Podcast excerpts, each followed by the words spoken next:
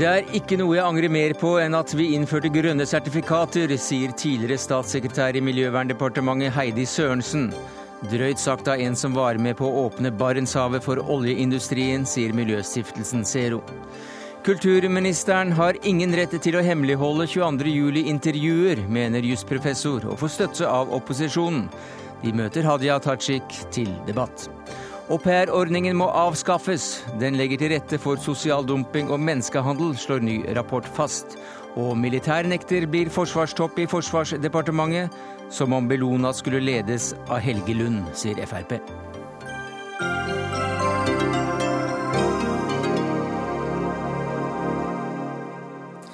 Ja, Det er noen av sakene i Dagsnytt 18 denne onsdagen, der vi også slipper løs Helge Iberg med boka 'Når tiden er inne, er det alltid for seint'.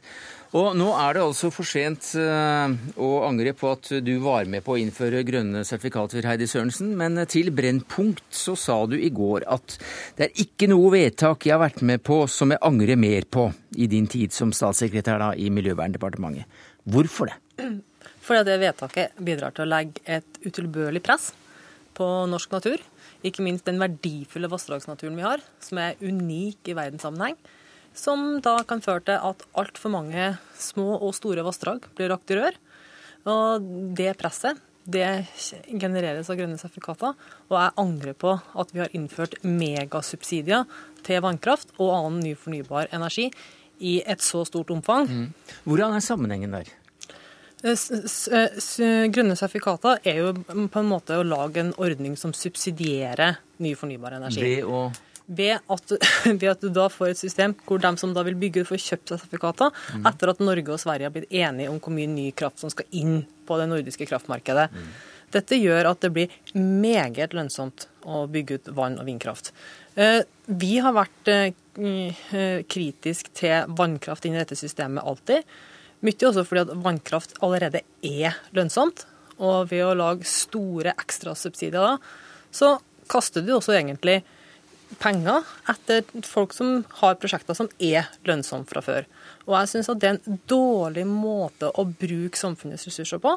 Og så mener jeg at vi har en begrensa mengde penger som vi klarer politisk å mobilisere til tiltak for å redusere klimautslipp. Og da mener jeg det at subsidiere allerede lønnsom vannkraft en, en dårlig idé hvis det er klimautslippene man vil ha ned.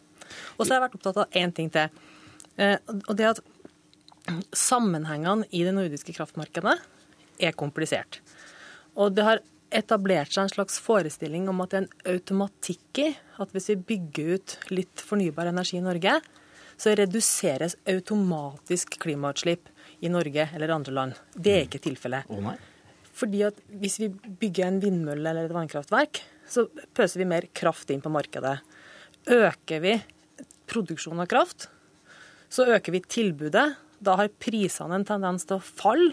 Og når prisene faller, så har forbruket en tendens til å øke. Ja. Og hvis forbruket øker som konsekvens av at vi bygger ut vannkraft, legger fosser i rør eller bygger vindmøller, så har vi jo ikke løst noen miljøproblemer av det. Så hovedutfordringa er jo på en måte å få brukt den fornybare kraften. Eh, hvis den skal ha en klimaeffekt, mm. så må vi sørge for at den erstatter mer forurensning. Men sånn som det er nå, så virker det også negativt på to, eh, to måter, slik jeg leser deg. Det ene er at det, det, øker, eh, det øker lysten på å bygge ut vannkraft her i landet, i sårbare områder. Og det øker lysten til å bruke kraft fordi at det kan føre til billigere kraft. Det kan være resultatet. Og da mener jeg at det viktigste vi gjør nå, når dette presset på vannkraftutbygging og vindkraftutbygging er så stort, det å finne ting som bøter på det.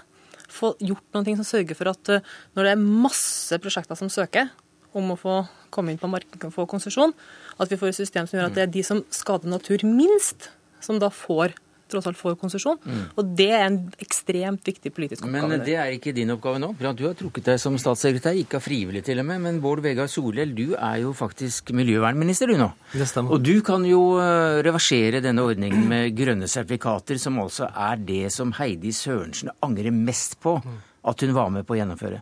Eh, jeg vet ikke hvor mye annet du har å angre på, men det er i hvert fall det hun skikkelig angrer på. Du kan bare sette en pennestrøk over det hele, og kommer du til å gjøre det? Jeg angrer ikke, så jeg kommer ikke til å reversere det. Jeg er uenig med Heidi i det spørsmålet her. Hvorfor det? Først og fremst fordi det å bygge ut ny fornybar energi, det er uansett hvordan man ser på det, tror jeg, en sentral del av løsninga på det globale klimaproblemet, som kanskje er vår generasjons aller største globale miljøutfordring. Ja, det er vel tenke veldig stort hvis du skal tenke litt mer lokalt og ja, tenke jeg, på at det ødelegger en del av vår egen altså, natur, pluss at det, det, gjør, det gjør at, at, prisen på strøm kan bli lavere. Hvis man skal drive med miljøpolitikk, så bør man tenke stort. Eh, men hun har et par innvendinger som jeg gjerne vil svare på, og som, som ikke er dumme eller dårlige. Og Den første er at det hjelper ikke om vi bygger ut mer ny fornybar energi hvis vi ikke samtidig klarer å redusere bruken av den fossile energien basert på kull og olje. Og Foreløpig så har vi politikere vært litt flinkere til det populære å gi støtteordninger til den nye fornybare energien enn å sette en tilstrekkelig høy nok pris på energi basert på kull og olje. Og vi gjør en del, f.eks. økt CO2-avgift på sokkelen og andre ting i Norge, men vi må gjøre enda mye jo, mer for at det skal virke. Jo, det, det, altså, vi hører Heidi Sørensens argumenter kan jo løsrives fra akkurat de tiltakene? Nei, altså det er en vesentlig del av innvendinga til de som nå kritiserer det.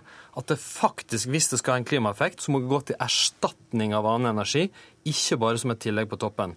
Og så Hvis jeg får ta den andre vesentlige innvendinga, som jeg oppfatter, og det går på norsk natur. Og Da tror jeg det er riktig at det her kommer til å føre til at flere vil søke om å få bygge ut vann og vindkraft osv. Eh, og så tror jeg at en god del av de anleggene de kan vi bygge ut uten at vi gjør utilbørlig skade.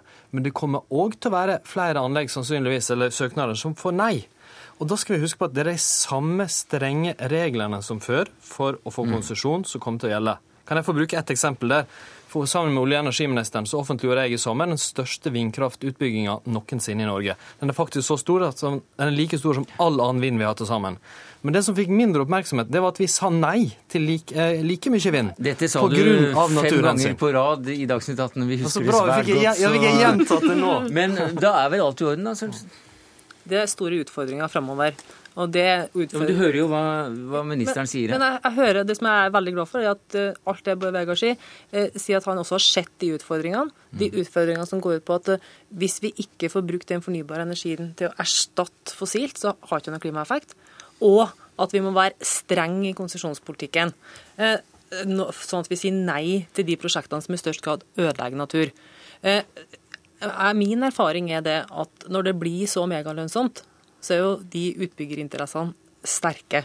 Fordi at det er mange som har lyst til å tjene penger på å bygge ut ny fornybar energi. Så den oppgaven vi står foran med, med å plukke ut de eh, søknadene som da betyr minst skade på natur, det er en krevende jobb som ikke er enkel å gjøre. Nei, altså, eh, Det er riktig at det kommer til å være mer press på utbygging av ny fornybar energi, men det er klart, det er jo målet med ordninga. Mm. Vi gjør det fordi vi er for ny fornybar energi. Ja, Det er vel for at det skal komme inn masse men, søknader men, og bli større press på å, å ja, bygge ut? Ja, Men så er vi òg Vi er heldige i Norge på den måten at fordi vi har mye ny for, forny, fornybar energi allerede, fordi det kommer til å komme mange prosjekter som er gode, så kan vi koste på oss å si nei til de som er sterkt miljøskadelige. Enten det er mm. småkraftverk eller vindkraft. Og det kommer vi fra miljømyndighetene til å gjøre, fordi vi skal ikke ofre norsk natur for et annet viktig miljøhensyn, nemlig Marius klima. Marius Holm, du er eh, nestleder i miljøstiftelsen Zero. Og dere jublet også da det ble klart at regjeringen gikk inn for grønne sertifikater. Hva synes du om denne angeren nå? Ja, Det er den viktigste miljøseieren vi har hatt på over ti år i Norge. Så jeg syns jo det er fryktelig trist at en tidligere natur- og ungdomleder som Heidi eh, synes dette er det verste vedtak hun har vært med på. Eh, dette er en regjering som har rekord i utdeling av eh, letelisenser etter olje, og at hun da angrer mer på at hun har fått på plass mer fornybar energi, enn hun angrer på alle de eh, utslippstillatelsene til oljenæringa som, som, hun har vært med å, å dele ut. Det syns jeg er jo veldig trist. Men når du hører de negative konsekvensene som hun nå ser, hun så det vel kanskje også da, men da var det et massivt press for å få det gjennomført. Når du hører om de negative konsekvensene, så hva sier du da? Jeg, jeg, tror ikke hun har rett i det. fordi det som skjer når vi får økt lønnsomhet i fornybar energiutbygging, er jo at det blir mange flere prosjekter å velge mellom. Nå er mange skremt fordi det er hundrevis av søknader inne om å bygge ut vindkraft og småkraft. Vi skal jo ikke bygge ut alle de. Og nettopp fordi grønne sertifikater gjør alle prosjektene mer lønnsomme, så får NVE og, og senere regjeringa mange mm. flere prosjekter å velge mellom. Du har også skuffet, ser du også her, Sørensen? Ja, jeg hører det. Men jeg er enig i Marius sitt siste poeng. Altså Det bra tingen med dette er at vi har en større mulighet til å velge hvis vi tør å stå imot det presset, og hvis man da klarer å få et system for å sortere i stort og smått. Men det kan ikke du tro noe særlig på, siden du sier at det er det, det du angrer absolutt mest på som, som statssekretær? Fordi at jeg har sittet og sett de søknadspunktene, og jeg har sittet og sett noen av de som da uh, har gått gjennom. Og når jeg ser uh, eh, f.eks. i Namsen nå, hvor uh, man Nord-Trøndelag Energi har kasta seg inn i en stor prosess med å måtte bygge ut den siste virkelig store fossen i Namsen, hvor du har en helt spesiell laks og hvor et mm. samisk kulturminne, tenker jeg den vassdragskampen der, den trodde jeg vi var forbi. De tingene har, må jeg si, har skremt meg ganske kraftig. Og så én ting til som er vanskelig. Eh, mange av de prosjektene som kommer på vannkraftsida, det er små. Det betyr at for mange, mange hundre søknader meget krevende å sortere i hva som er stort, og hva som er smått, og hva som er bra, og hva som ikke er bra. Og som, eh, det som kjennetegner mye av småkraften, det er at det er relativt lite kraft og relativt mye naturinngrep per kilowattime. Så det å få et system det beste forslaget jeg har hørt så langt, det er Det Norske Turistforening som har sagt at vi trenger en ny verneplanrunde. Denne gangen ikke for de store vassdragene, men for den kystnære vassdragsnaturen vår, som ikke i dag har noen særbeskyttelse. beskyttelse. Mikael Hoel, du er professor i samfunnsøkonomi ved Universitetet i Oslo. Du jobber med klimaspørsmål. Hva sier du til det du hører her? Ja, altså Jeg tror det er enighet rundt bordet her om at uh, grønne sertifikater er en subsidieordning, og det fører til en kraftig økning i uh, mengden fornybar energi. Og det er også enighet om at det har noe for seg klimamessig, bare hvis den erstatter annen fossil energi. Og slik det norske energisystemet og uh, eh, EUs og norsk klimapolitikk for øvrig er, så er min påstand er at det vil ikke skje. Nei. Det er fordi eh, i Norge er det ikke noe eh, kullkraft å fortrenge. Eh, så kan du si at vi kan eksportere den energien til Europa og erstatte kraften der. Ja, Det er vel det som skjer når det er overskudd her? Ja, men problemet er at hele kraftsektoren og en del annen industri i hele EU allerede er regulert gjennom et kvotesystem. Og den setter da taket på hvor mye utslipp det blir. Så dette vil muligens føre til mindre kullkraftproduksjon, men da blir det noe kvoter til over som f.eks. går til økt sementproduksjon i Tyskland.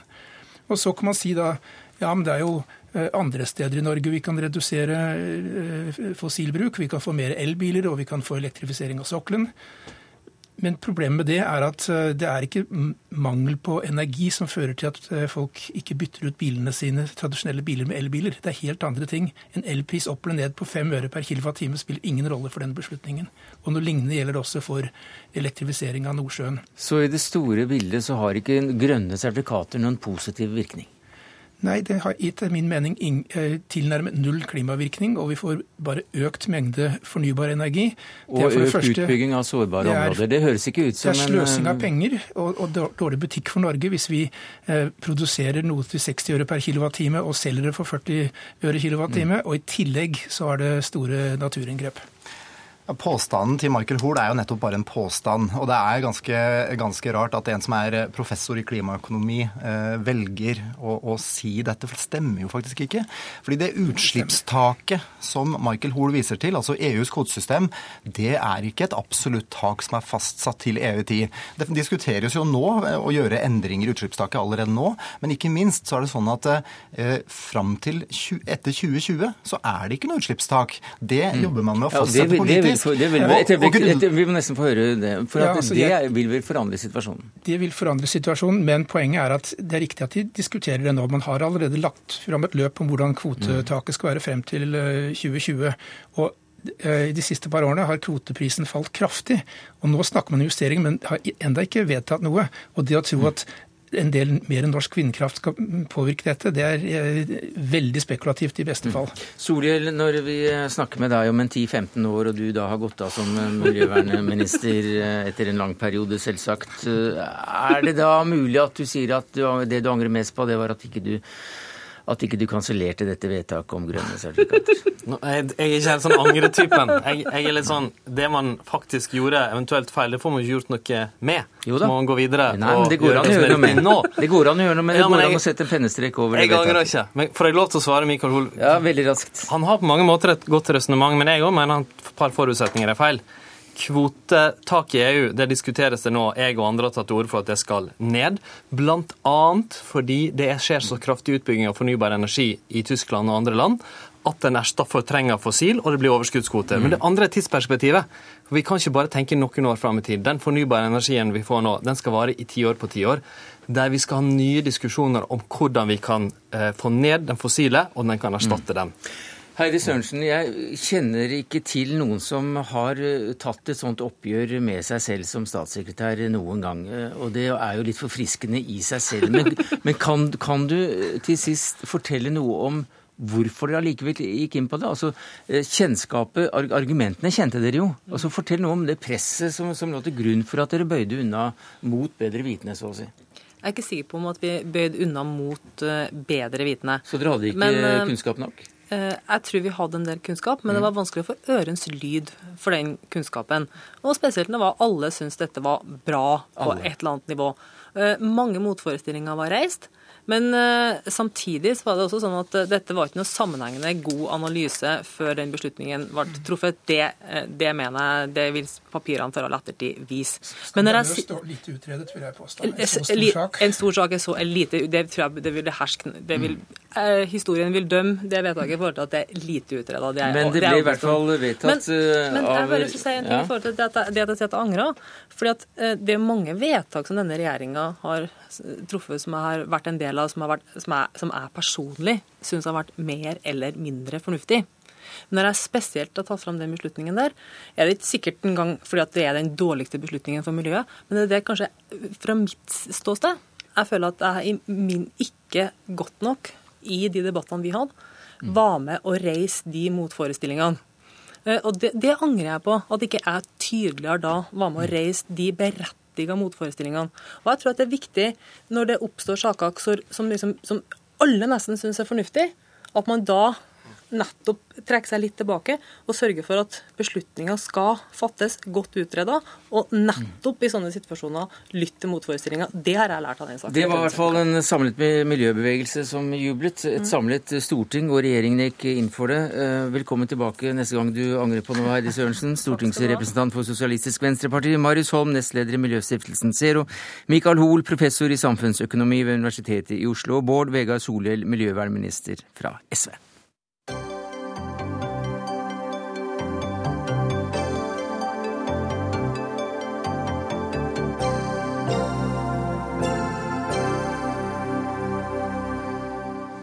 I dag seilte åtte taiwanske kystvaktskip inn i det omstridte området i Sør-Kina-havet. I går så vi jo alle bildene og filmene av vannkrigen eh, mellom et japansk og et taiwansk marinefartøy. I dag advarer internasjonale kommentatorer mot det de mener er en stor fare i synet på denne konflikten mellom Kina og Japan, nemlig å tro at det verste ikke kan skje. The Economist spør om det virkelig kan bli krig, og svaret er dessverre ja. Øystein Tunsjø, du er førsteamanuensis ved Senter for asiatiske sikkerhetsstudier. eh, Stu, studier. Eh, Det er få, i hvert fall her hjemme, som virkelig tror at det kan bryte ut krig nå i området. Men hva skal til før pumper og vann erstattes av kuler og krutt?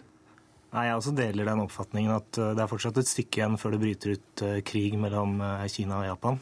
Men jeg tror det er mange momenter, særlig tre, når det gjelder eh, dette med eskalering av eh, dagens konflikt. Eh, Det første gjelder at Kina og Japan ikke har noen avtale eller rammeverk for hvordan man skal håndtere den type hendelser vi nå ser rundt disse omstridte øyene.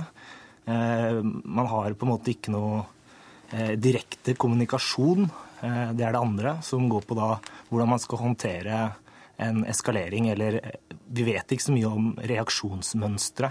F.eks. hvis en eh, ivrig matros eh, skyter ut et varselskudd, hva er svaret på det? Eh, Er det å skyte tilbake skarpt? Eh, Vil man prøve å senke? Sånn at eh, på en måte så vet man ikke hva trinnene er eh, på en sånn eskaleringsstige. På den annen side, det som er en fordel i denne situasjonen, er at man i det minste har noen trinn. Eh, I den situasjonen som oppsto mellom Kina og Filippinene, så hadde ikke Filippinene noen trinn. De gikk altså rett opp til å sende inn et marinefartøy, mens Japan har en veldig slagkraftig kystvakt, som da vi så i aksjon på TV-bildene i går. Mm. Eh, og det siste jeg kanskje vil legge vekt på i denne eskaleringen, er at både japanerne og kineserne har, har på en måte et begrenset handlingsrom, fordi de har spilt oppunder nasjonalistiske strømninger i, i, i, denne krisen, og, dermed også vanskelig å, å, å backe ut og, og, trekke seg tilbake. Eh, miste ansikt.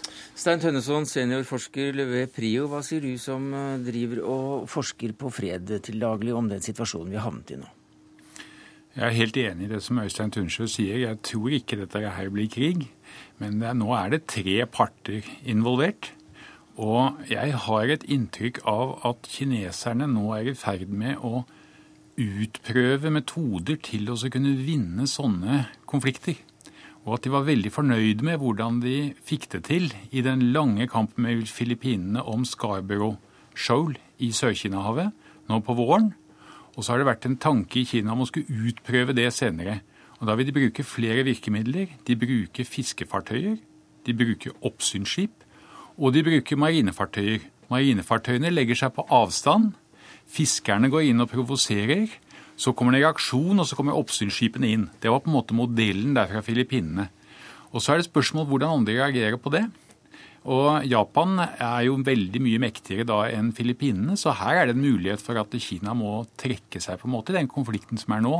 Men at partene nå begynner å besinne seg og har begynt å holde møter på toppnivå, det, det syns jeg nok jeg ser tydelige tegn til.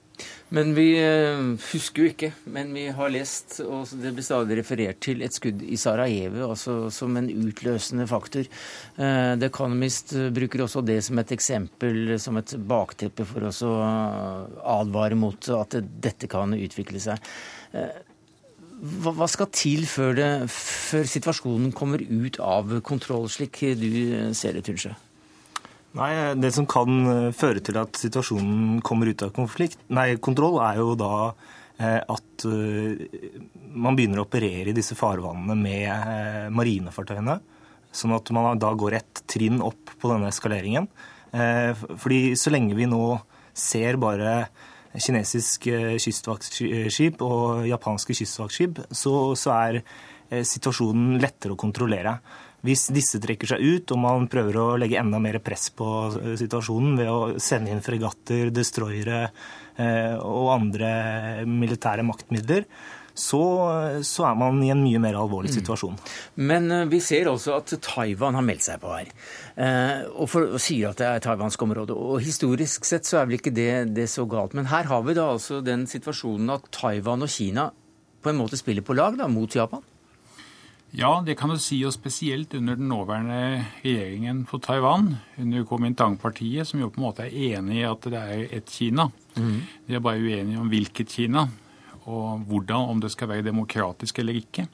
Så Taiwan okkuperer flere øyer i Sør-Kina-havet, Pratasøya og Ituaba i Spratly-gruppa på en måte på vegne av Kina. Mm. Og, det, og det, Dette aksepterer ja, Kina? Det er Kina glad for, og vil gjerne at Taiwan skal fortsette med det. For Taiwan er en del av Kina? For Taiwan er en del av Kina. Og, Kina og dessuten, Taiwan. når Taiwan okkuperer de, så bekrefter det på en måte at Taiwan er en del av Kina også. For de men, gjør jo dette på vegne av Kina. Men Betyr det da at hvis eh, så galt skulle skje at et taiwansk fartøy faktisk blir senket, at eh, Kina kan komme og støtte Taiwan? Ja, det, det, det, kunne man tenke seg, men det vil nok neppe skje.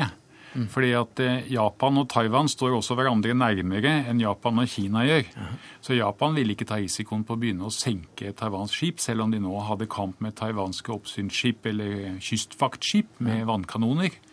Så er det nok symptomatisk at de brukte vannkanoner. Og det er god kontakt mellom Japan og Taiwan også. Og bak eh, alt dette her, bak forhenget så å si, så, så ligger USA med en avtale fra 1960 mm. eh, med Japan. Hva skal til før den forsvarspakten der tår kraft eh, omtrent som en slags paragraf fem i, i Nato-sammenheng utløser behovet for eh, amerikansk hjelp? Nei, jeg tror at det er, det er vanskelig å, å, si sikkert. Det er klart, skulle et japansk marinefartøy eh, blir senket, så, så, så, har man en veldig alvorlig situasjon. Eh, det kan godt hende at amerikanerne likevel ikke velger eh, å, å gå inn militært da. Krisen i Korea i 2010, altså senkningen av Cheonan, som de aller fleste eksperter hevder var nordkoreanerne som sto bak, samt da denne artilleriangrepet på sørkoreanske øyer, gjorde Sånn amerikanerne opptrådte da, var på en måte å holde igjen sørkoreanerne. De ønsket ikke at konflikten skulle eskalere. Samtidig er det veldig viktig forskjell mellom Korea eh, og Japan, slik jeg ser det. Eh, amerikanerne ønsker ikke en konflikt med Kina på det asiatiske fastlandet, altså være seg den koreanske halvøya, en ny Koreakrig. Men eh, det å slåss for Japan, det er de langt mer villige til, fordi det dreier seg om amerikanernes eh, dominans over eh, Øst-Asias havområder. Så marinen kan de bruke, men, men, ikke landstyrker i en konflikt med Kina? Ja, også I tillegg er de jo overlegne i en slik konflikt. Ja, USA gjorde jo det i 1995 også, da de sendte inn hangarskip i Taiwanstredet for å si klart og tydelig til Kina at de måtte slutte med sine missiler som de prøvde å skremme taiwaneserne med når de skulle ha presidentvalg. Og Forsvarspakten mellom Japan og Kina er blitt styrket de siste årene pga. konflikten nettopp om mm. Diaoyu eller Sankaku-øyene i Øst-Kina-havet. Da den krisen sto på i september 2010, mm. så led egentlig Kina et strategisk nederlag fordi den forsvarspakten ble styrket mm. på et tidspunkt hvor egentlig japanerne var skeptiske til den. Men taktisk så tror kineserne at de vant. Så ja, kineserne vinner stadig taktiske nederlag, eller lider taktiske nederlag. Eh, nei, vinner taktiske seire som blir til strategiske nederlag. Så faktisk har Kina isolert seg i regionen i de siste årene. Helt kort til slutt, eh, hva vil skje nå framover med det første? Nei, jeg tror at, eh, som Stein var inne på innledningsvis, at de, de, de, rapportene vi nå hører om at eh, det er etablert diplomatisk kontakt på viseutenriksministernivå, at man snakker på bakrommet i FN, at eh, Panetta var og trolig hvert fall ga signaler om hva amerikanerne anser som eh, den røde streken mm. eh, i Beijing, når han var der og møtte da Xi Jinping, som vil bli eh, Kinas neste president. Jeg tror at alt dette fører til at situasjonen roer seg ned. Takk skal du ha, Øystein, Øystein Tunsjø, førsteamanuensis ved Senter for asiatiske sikkerhetsstudier, og Stein Tønneson, seniorforsker ved PRIO. Hør Dagsnytt 18 når du vil, på nettradio eller som podkast. nrk.no – dagsnytt 18.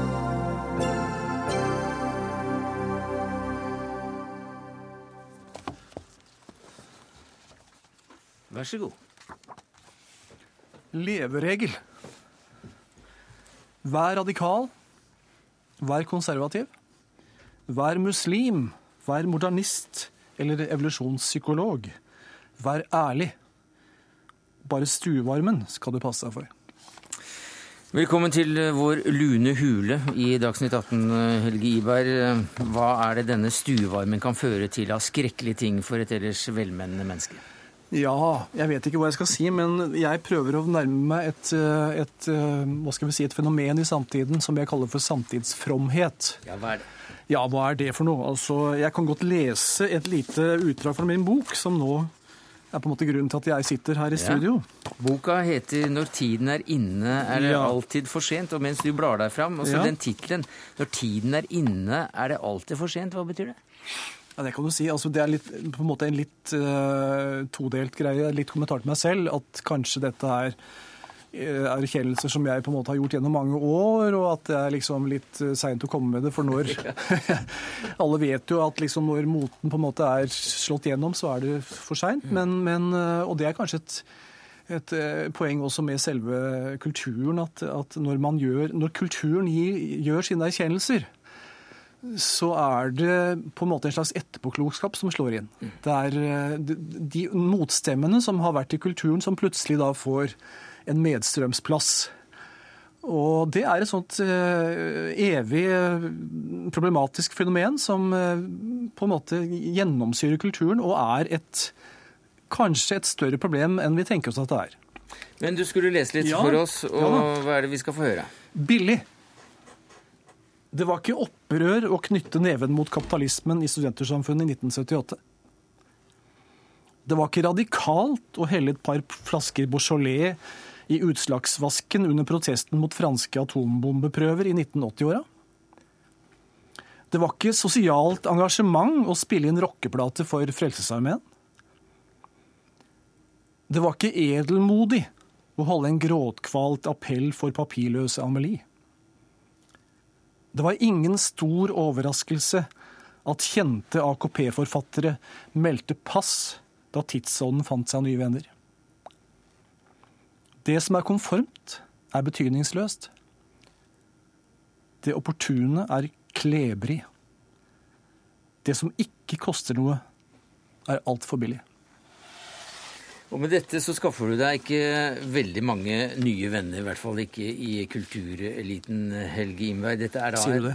Dette, dette er jo en veldig pussig bok. Også. Det er full av one-linere ja. og, og sånne små stubber som du har lest for oss nå. Og det er vel altså Av de nærmere 100 personene som jeg har kommet til du, du, du nevner her, så er det omtrent bare eh, Toralf Engan eh, som kommer godt ut av det. For du snakker om alt fra Frp til eh, Miles Davis og, og, og Hva er det viktigste med, med å si om tidsånden og tidsåndens problem? Nei, altså det som jeg Jeg begynte jo å, å hva skal vi si, skrive litt grann da jeg eh, ble tenåring og begynte å studere osv. Så, videre. så begynte jeg å reflektere for at denne forandringen som skjedde i vår kultur fra jeg var barn og til jeg ble voksen, har vært så enorm. Det har vært så ekstremt stor forandring. Og vi merker på en måte ikke forandringen når den foregår, men vi kan se det nå i ettertid at det har vært en ekstrem stor eh, Altså det, vi kan ikke tenke oss nærmest hvordan verdi eh, Hva skal vi si? Altså hvordan vi ser saker og ting på, har forandret seg fra jeg var liten og til nå. Og så har jeg på en måte begynt å reflektere over det, og så har jeg prøvd å snirkle inn et, et, et begrep som jeg kaller for samtidsfromhet. Og det tror jeg er et viktig hva skal vi si, Det er noe som kjennetegner enhver samtid, men som kanskje er spesielt pregnant i vår egen samtid. Og det er et sånn slags skjult maktproblem som eh, veldig få snakker om, fordi at det er kamuflert under en slags fromhet. Det er kamuflert under en godes idé. Og det er et veldig stort problem, for det er mye Jeg kan nevne et eksempel. altså Hvis man på eksempel, eh, jeg har et, eh, hvis når man gjør reportasjer om Jehovas vitner, siontologene, eh, og bruker såkalte, som jeg vil si, journalistiske overgrepsmetoder mot sånne eh, kulturelle minoriteter, så er det kanskje sånn at man skader, gjør mer ugagn mot en del mennesker enn det man oppnår ved å eventuelt å kritisere den undertrykkelsen som foregår. Så det er, et eller annet, det er en herskerteknikk som finnes, en slags moralisme som finnes i godhetens navn. Under, eh, og det kaller jeg for samtidsmoralisme. Mm.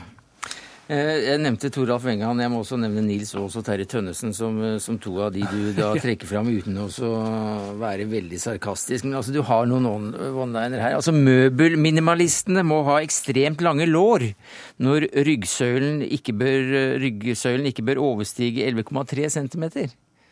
Ja. Har du prøvd å sitte i en politisk korrekt sofa? Ja, jeg har det. Det er akkurat det jeg har. Så skriver du også da eh, et sitat her at hvis vi ikke stiller krav til de andre, så hva da? Da eh, er det på en måte ganske greit å heller ikke stille krav til oss selv. Altså Det er en slags vinn-vinn-situasjon for oss alle at vi, eh, denne multikulturelle hva skal vi si, melting pot som vi er en del av nå, den er eh, befordrende for eh, markedsliberalismen på alle måter. Og vi kan eh, på en måte skrive under på at alt Everything goes. Everything is okay. Takk skal du ha. Velkommen tilbake i den eh, lune stua. Men eh, nå er tiden eh, inne, så er det altså for sent, ifølge Helge Imberg. Det er eh, nidord om samtiden.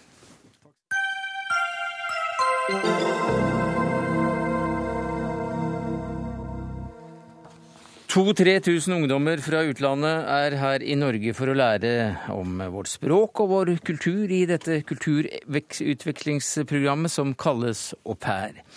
Men dette er kamuflert arbeidsinnvandring og legger til rette for sosial dumping og ekstreme tilfeller menneskehandel, skal vi tro en ny rapport fra Juridisk rådgivning for kvinner, eller JURK. Og Lene Løvdahl, rettighets- og prosjektleder i nettopp JURK. Hvordan belegger du disse påstandene? Jo, eh, nå har jo vi drevet rettshjelp og eh, oppsøkende virksomhet med au pairer i snart to år. Eh, og vi ser jo da at det er selve grunnpremissene i ordning, ordningen gjør det umulig å hindre en del tilfeller av grov utnyttelse og i verste fall tvangsarbeid. Det er knytta til at au pairen bor på en arbeidsplass. Og i realiteten så er de aller fleste avhengig av den inntekten de får som au pairer. De reiser ikke primært som kulturutvekslere. Og i tillegg så er oppholdstillatelsen deres knytta til arbeidskontrakten. Sånn at det er en skjevhet i maktforholdene her som selve aupairordningen bygger opp under. Som gjør at vi til slutt har sett oss nødt til å konkludere med at så lenge du har den ordningen som den er, så er det en stor fare for utnyttelse og i noen tilfeller menneskehandel. Og dette er da en au pair som også da betyr på like fot? Ja. Og det er det ikke? Nei, og det har de nok un bare unntaksvis vært opp gjennom historien. Selve ordningen er jo bygd på en selvmotsigelse. Du skal være en del av familien, men du skal også være ansatt og utføre arbeid. Natalia Ravn Christensen, du er leder i Energy Au Pair, som da har formidlet uh, au pairer i Norge siden 2001. Eh, Hva sier du til, uh, til, dette?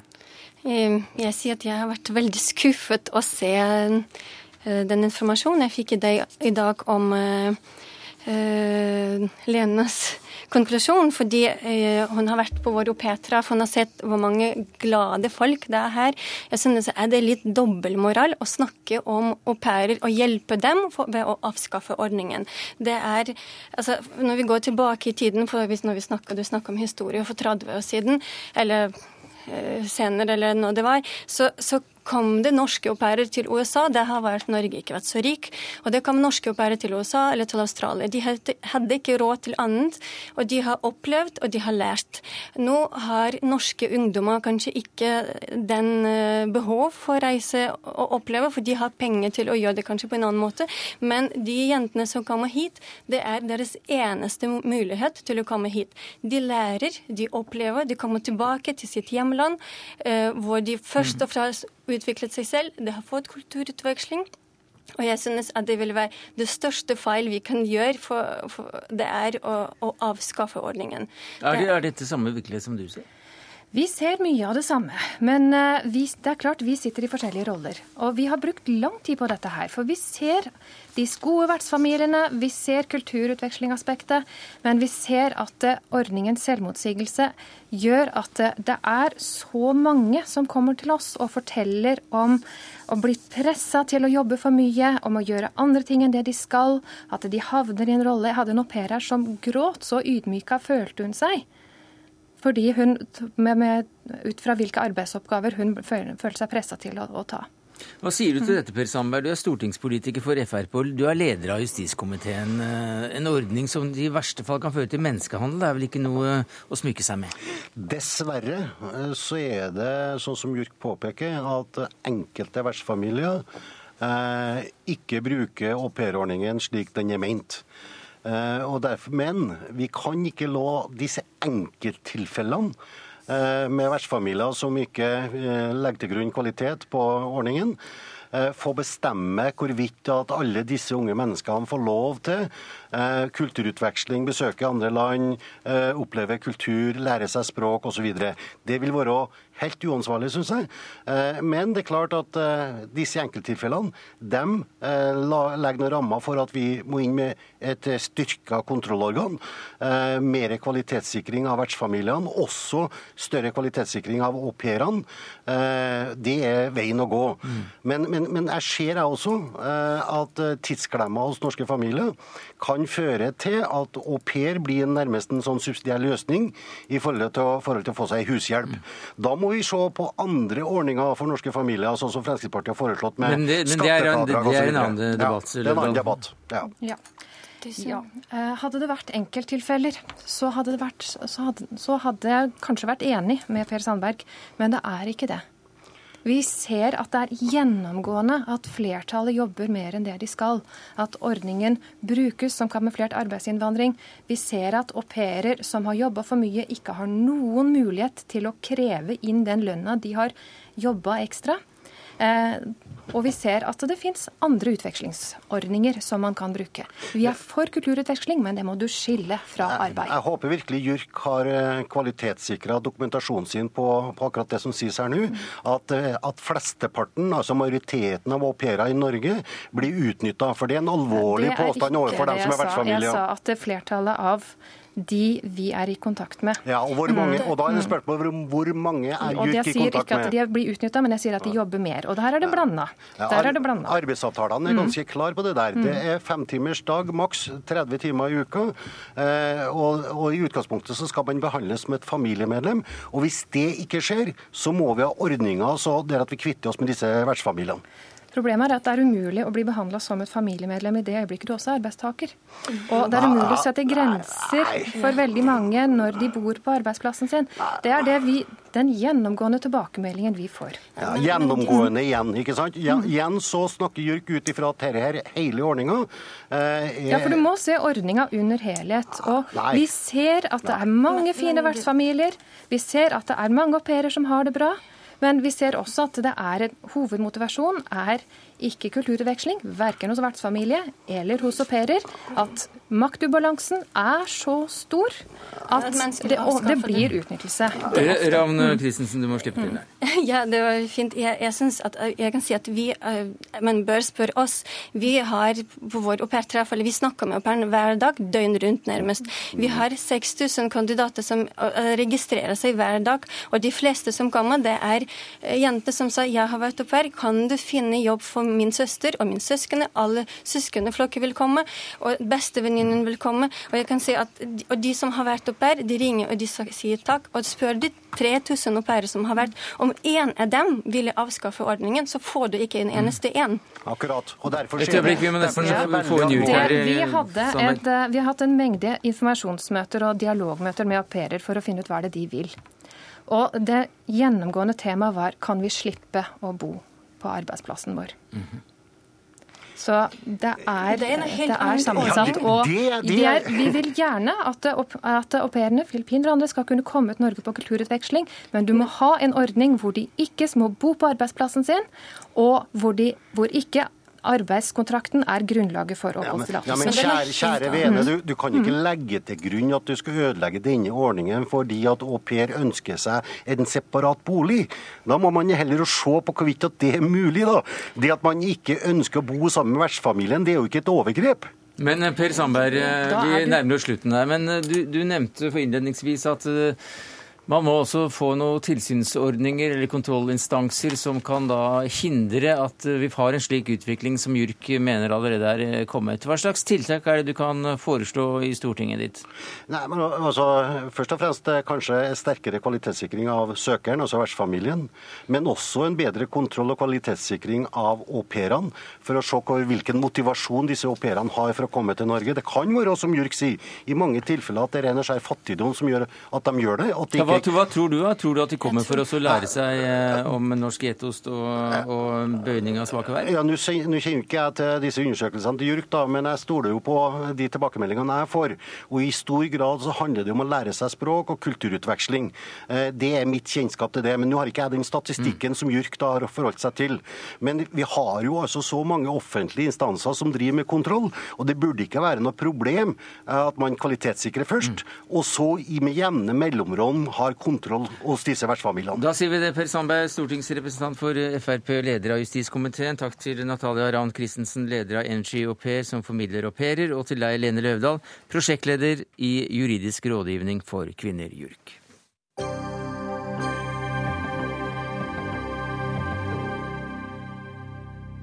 Fortsatt vet vi ikke hvordan sentrale byråkrater og embetsmenn som Øystein Mæland, Ingelin Killengren og Janne Christiansen opplevde 22.07, og hva de har bidratt med til Gjørv-kommisjonens rapport.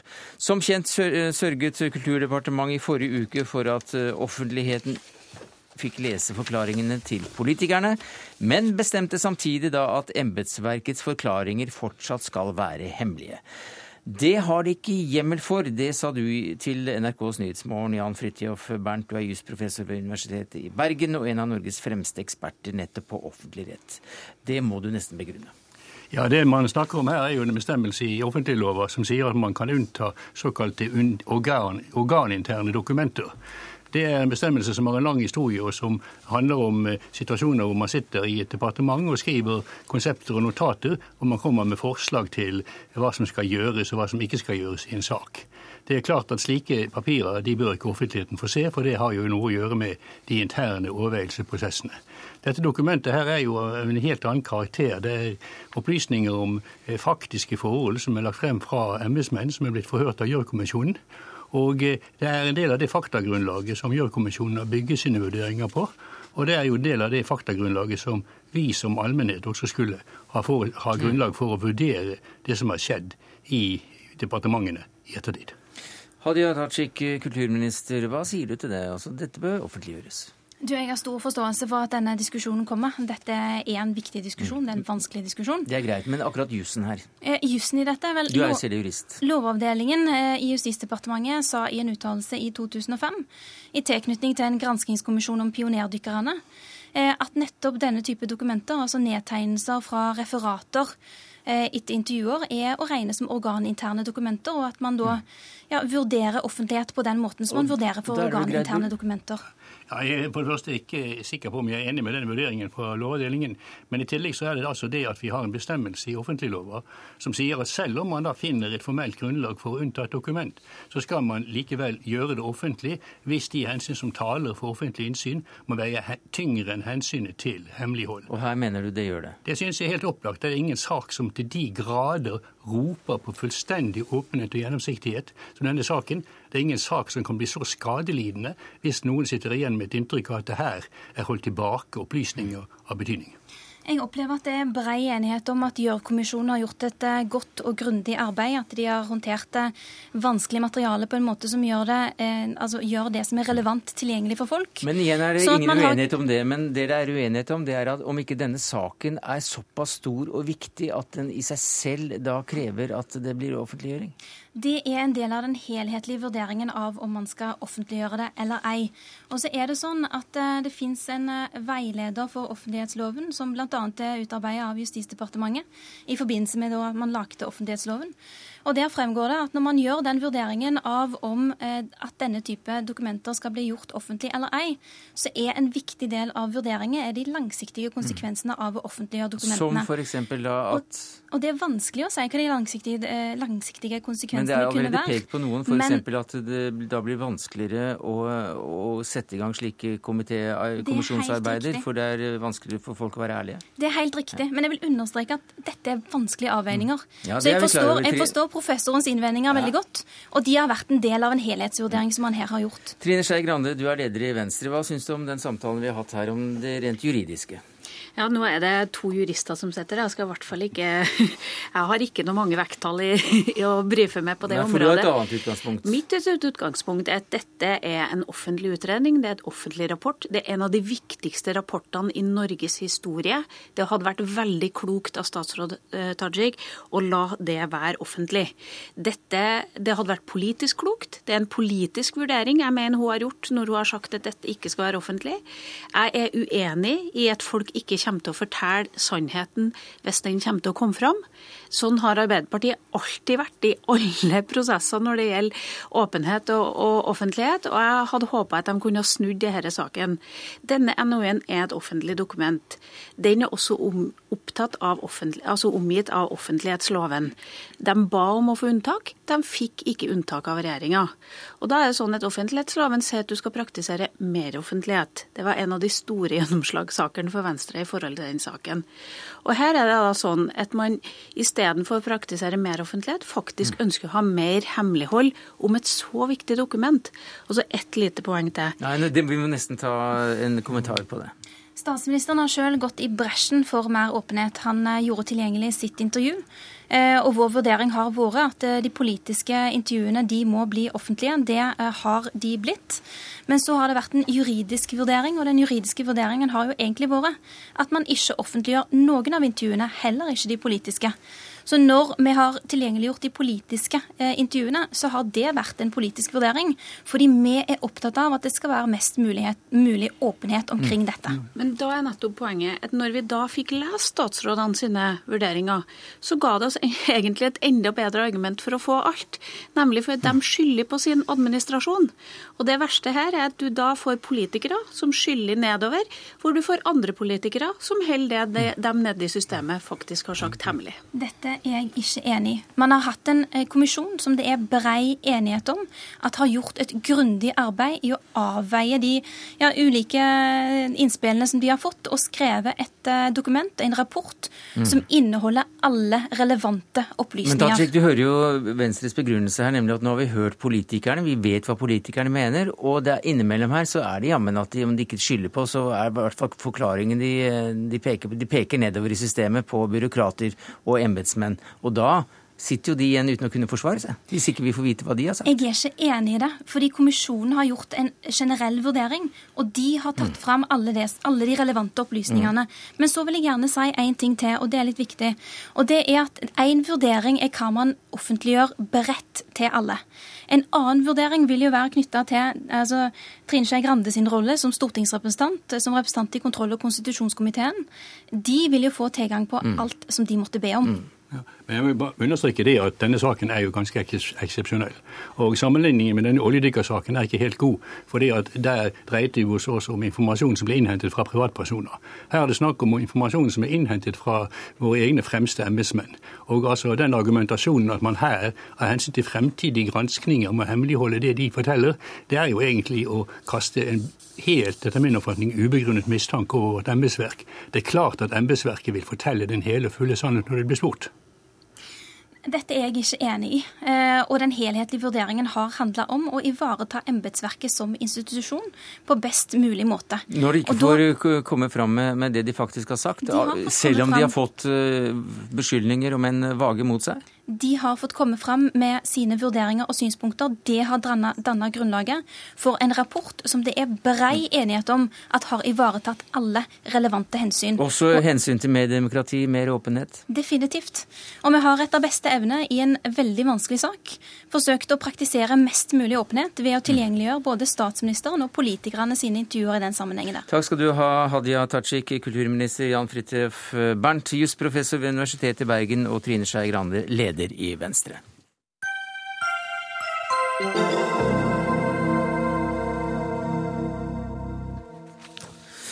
Atle Ottesen droppet førstegangstjenesten fordi han manglet motivasjon og var imot masseødeleggelsesvåpen, leser vi i Fredrikstad Blad. Han hadde heller siviltjeneste ved Borg videregående skole i Sarpsborg. Og på slutten av 90-tallet, eh, dette var på slutten av 90-tallet, men denne uka så ble han da utnevnt til politisk rådgiver for forsvarsminister Anne Grete Strøm Eriksen. Og Jan Arild Ellingsen, forsvarspolitisk talsmann i Frp. Det er ikke du spesielt begeistret for? Nei, Nå skal jeg være forsiktig med å dømme folk i utgangspunktet, så han skal selvfølgelig få lov å gjøre en jobb og bli vurdert ut ifra det. Men bakgrunnen er en smule oppsiktsvekkende, syns jeg. Fordi at eh, hvis det er noe det norske forsvaret trenger framover, så er det folk som har kunnskap, innsikt og forståelse for den jobben de gjør. Forsvaret har omstilt og omstilt og omstilt i tiårene og blitt utsatt for tøffe krav. Og jeg tror hvis det er noe de savner, så er det på en måte støtte fra den politiske ledelsen, og da gambler man ikke med de som skal gi politiske råd, sånn som man gjør i denne saken. Hva sier du til det, Hans Christian Amundsen, statssekretær Glad i for at Ellingsen sier akkurat det, for det er jo nettopp det Forsvaret får, med en forsvarsminister som er den mest erfarne vi har å by på. Fire år leda de tunge, viktige omstillingene vellykka. Eh, tilbake i Forsvarsdepartementet. Med seg har hun en statssekretær, eh, statsviter, eh, internasjonal politikk, terrorekspert ekspert på nå er det det. ikke akkurat de vi snakker om? Nei, men poenget er eh, Forsvaret er under trygg styring. Eh, Politikken ligger fast, ledes av en stø og flott eh, statsråd, og har fått en fabelaktig fin rådgiver som skal inn og utvikle seg som politiker, som Jan Arild Ellingsen en gang har begynt også sin karriere. Så det skal vi støtte opp om og være glad for. Ja, selvfølgelig er i utgangspunktet det, men, men jeg syns du tar veldig lett på det. fordi at eh, Hvis du ser reaksjonen til BFO i dag, som en av de store befalsorganisasjonene, så er jo ikke de spesielt imponert over denne utnevnelsen. Tvert imot, de sier at det her er på en måte å kaste blår i ansiktet på Forsvaret. Det man trenger, det er folk med kunnskap, innsikt, og ikke noen som på en måte har til de grader i sin ungdom tatt avstand. Dog med en grunn som jeg aksepterer og respekterer, men, men jeg har altså forventa mer av de her. Jeg syns på nytt igjen at Arbeiderpartiet viser at man ikke tar nok hensyn og respekt overfor Forsvaret som institusjon. Jeg syns vi skal gi denne mannen en sjanse. Han var 18 år, eh, kom til et standpunkt. I dag sier han at han ville, han ville ikke gjort det samme i dag. Han har kommet til et uh, annet standpunkt etter å ha blitt uh, modna i rollen. Og det er vel alt i orden? Nei, hele, hele, poenget er det at hvis du skal gi råd i en etat, altså en av de mest unike etatene vi har, Forsvaret, når det gjelder å ta vare på norsk suverenitet. Det har vært greit å ha litt bakgrunn, litt kunnskap kanskje. Ikke bare fra skrivebord, utdannelse og den slags, men kanskje også fra andre eh, mer relevante. Se på Knut Storberget. Når Knut Storberget ble justisminister, hentet han inn to tunge politifolk for å håndtere politiet. Og det gjorde han fordi at de hadde kompetanse som han så nødvendig. Jeg ville delt bekymringa til Ellingsen hvis det var slik at uh, de råd som uh, statsråden får, avhenger av det uh, denne nye rådgiveren gir. Har, han, har, han, ikke noen betydning Hans, i dette systemet? Den politiske rådgiverens viktigste jobb er å holde kontakt med eh, organisasjoner, Stortinget, sivilsamfunnet. Bare Ellingsen si følgende, for det er viktig slik at vi ikke skaper tvil om noe som det ikke er tvil om. Statsråden er erfaren, statssekretæren er erfaren. Statsråden har forsvarssjefen som sin viktigste militære rådgiver, og en militær assistent med oberstløytnantgrad som følger statsråden hvor som helst og gir de nødvendige råd. Det er jo da, det er jo da betryggende, hører jeg. Men likevel så registrerer jeg at Befalets fellesorganisasjon er sterkt bekymra. De er altså de som organiserer flesteparten av befalet i det norske forsvaret. Hva er det de ikke forstår for noe her, de da? Ja, Det vet jeg ikke, men det får vi snakke med de om. og har, Jeg har respekt for det hvis de er bekymra. Da tar vi det på alvor naturligvis og vil, vil, snakke med de og uh, høre om det er relevante ting som da de har å komme med. og Det tar vi ytterst på alvor, som vi alltid da, gjør. Da er jeg litt overraska over at når Amundsen kommer hit i dag, at han ikke har sjekka ut de tingene. For det er jo klart at uh, jeg opplever at Arbeiderpartiet har et ønske om å nær tilknytning til fagforeningene og lytte de der det er mulig og fornuftig. Men det er verdt med å kaste over bord her når det gjelder Forsvaret. og det synes jeg er dårlig holdning. Arbeiderpartiet har et klart ønske om å styre landet godt, styre Forsvaret godt. Det gjør vi. Anne Grete Strøm-Eriksen kommer til å gjøre det, som hun har gjort før. Ja, det gjør hun helt sikkert. Og så får vi diskutere kvaliteten på det etter hvert. Men, men jeg syns det er interessant at Amundsen er så opptatt av det. For jeg husker ikke feil, så var vel Amundsen i sin forrige jobb til tider kritisk til sin nåværende sjef, som da henta inn av Amundsen for å rettlede han i så måte. Så kompetanse kan være greit å ta med seg, også når man skal drive politikk. Det siste er jeg definitivt enig i. Men hadde du vært like kritisk hvis det var en kvinne som fikk den jobben? Nei, Kjønn mener jeg uvesentlig. Som ikke hadde militær bakgrunn? Ja, Da ville jeg vært like skeptisk. Mm. Selvfølgelig ville jeg det. Det handler om å ha kompetanse, det handler om å ha innsikt og forståelse for den jobben du skal gjøre. Og som Amundsen har helt rett i, Forsvaret har vært og er en stor omstillingsprosess. Og da tror jeg at Forsvaret trenger all mulig forståelse mm. i de politiske miljøene. Og i denne saken har jeg sagt det flåsete, men likevel. Dette er like naturlig som å la en vegetarianer styre pølsebu.